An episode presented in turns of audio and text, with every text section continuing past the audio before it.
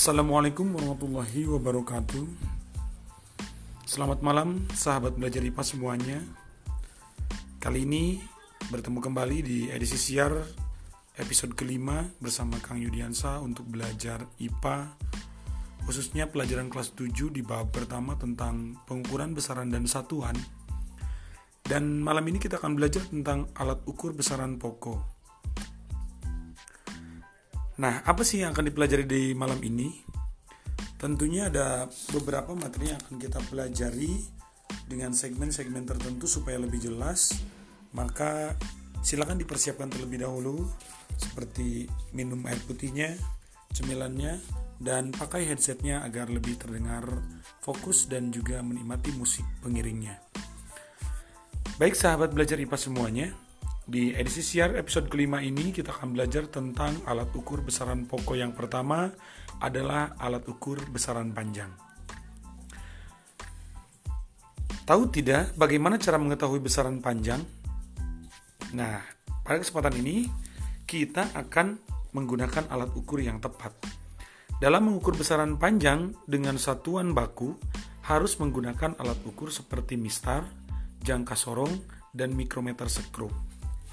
Maka yang pertama untuk alat ukur besaran panjang ini kita pelajari adalah mistar dan rollmeter. Tahu dong ya apa itu mistar? Mistar secara penggaris gitu ya. Nah, terdapat berbagai jenis mistar sesuai dengan skalanya di sekitar kita. Mistar dengan skala terkecil itu adalah 1 mm. Nah, silakan sahabat belajar IPA ambil dulu deh penggaris masing-masing. Coba lihat, di penggaris ada jarak terdekat titik-titik atau strip-strip di garisan kita itu yang paling dekat itu namanya skala milimeter. Jadi kita sebut itu adalah mistar berskala milimeter. Kemudian mistar dengan skala terkecil ada juga yang menggunakan sentimeter. Nah, maka disebutlah mistar berskala sentimeter. Nah, di penggaris sahabat belajar IPA semua itu sudah ada dua-duanya. Yang paling kecilnya adalah milimeter, yang keduanya sentimeter. Bahkan di balik satunya lagi itu ada yang berwarna merah biasanya di penggaris biasa itu. Itu namanya sudah dalam satuan inci ya. Nah, nanti kita pelajari itu lebih jauh. Sekarang perhatikan yang sentimeternya dulu aja. Nah, yang paling penting bagaimana sahabat belajar IPA menggunakan pembacaan skala pada mistar. Nah, pada saat mistar digunakan sebagai alat untuk ukur, maka untuk membaca skalanya, kedudukan mata kita atau mata pengamat itu harus tegak lurus dengan skala mister yang dibaca. Nah, kenapa demikian? Karena untuk memperkecil kemungkinan kesalahan pembacaan skala atau angkanya. Maka ada langkah-langkah yang perlu diperhatikan dalam menggunakan mistar untuk pengukur panjang.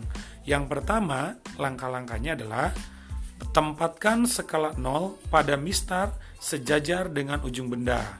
Boleh deh sambil praktik sok. Ambil pensil, ambil penggarisnya.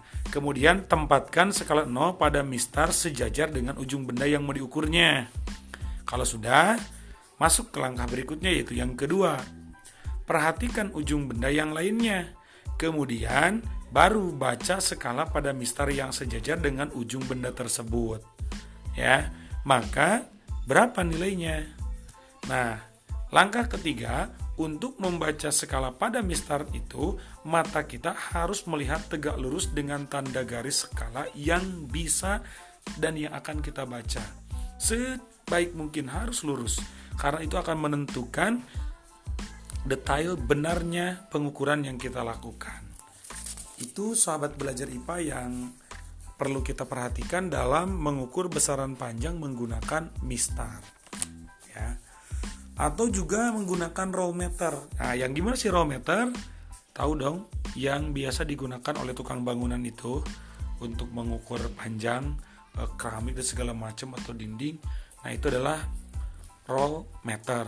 Atau mungkin juga ada yang digunakan oleh tukang jahit. Nah, sahabat belajar IPA pasti pernah ke tukang jahit kan? Pernah diukur kan pinggangnya, lebarnya, panjangnya. Nah, itu menggunakan roll meter. Itu sama-sama aja, meteran namanya. Cuma bedanya dapat digulung. Nah, kalau mistar kan bentuknya panjang. Atau Pak Guru juga punya di depan kelas ada penggaris yang satu meter itu loh, tahu ya? Nah, kali ini kita bertemu di episode kelima membahas tentang alat ukur besaran panjang aja dulu menggunakan mistarometer. Di segmen berikutnya insya Allah kita belajar tentang jangka sorong. Dan ini perlu perhatian khusus ya. Nanti kita bertemu lagi di segmen berikutnya. Terima kasih banyak atas perhatiannya. Sampai jumpa di episode berikutnya. Wassalamualaikum warahmatullahi wabarakatuh